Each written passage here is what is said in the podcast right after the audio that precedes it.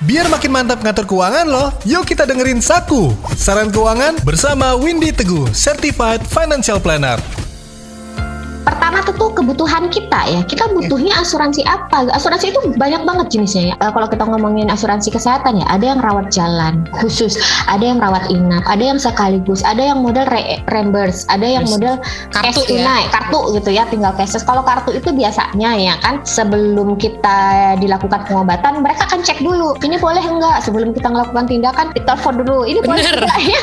Kadang-kadang emang aduh aku sebel banget ya kayak gitu ya.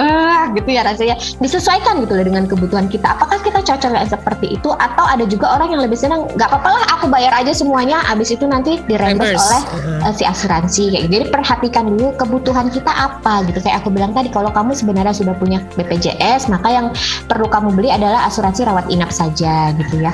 Uh, misalnya kamu sudah punya dari kantor nggak usah lagi ngapain lagi nambahin rawat inap? Kalau memang di kantor rawat inapnya sudah bagus maka mungkin yang perlu kamu tambahin adalah asuransi penyakit kritis gitu ya atau uh, asuransi untuk cacat tetap. Nah, itu karena kalau resiko itu terjadi bisa saja mungkin kamu disuruh resign oleh perusahaan ya kan bisa saja loh ya itu tergantung perusahaannya. Jadi sesuaikan dengan kebutuhanmu. Yang kedua, tentu kita melihat track record si asuransinya ya. Pertama kali itu bisa dilihat dari kondisi keuangannya. Kalau di asuransi itu ada namanya RBC ya, Risk Capital Base-nya ya itu bisa dilihat di OJK gitu ya. Ada daftarnya yang minimal 120%. Rata-rata asuransi di Indonesia itu sih di atas 120%.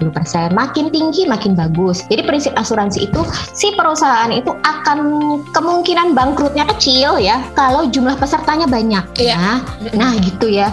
Baru yang berikutnya adalah sesuaikan dengan kemampuan kita ya. Jadi asuransi itu walaupun itu sangat penting, tapi jangan juga kamu beli tidak sesuai dengan kemampuanmu. Jadi untuk menentukan UP-nya, benefitnya itu sesuaikan dengan yang kamu butuhkan. Itu dia Saku, saran keuangan. Dengerin terus Saku saran keuangan lainnya hanya di Motion 975 FM.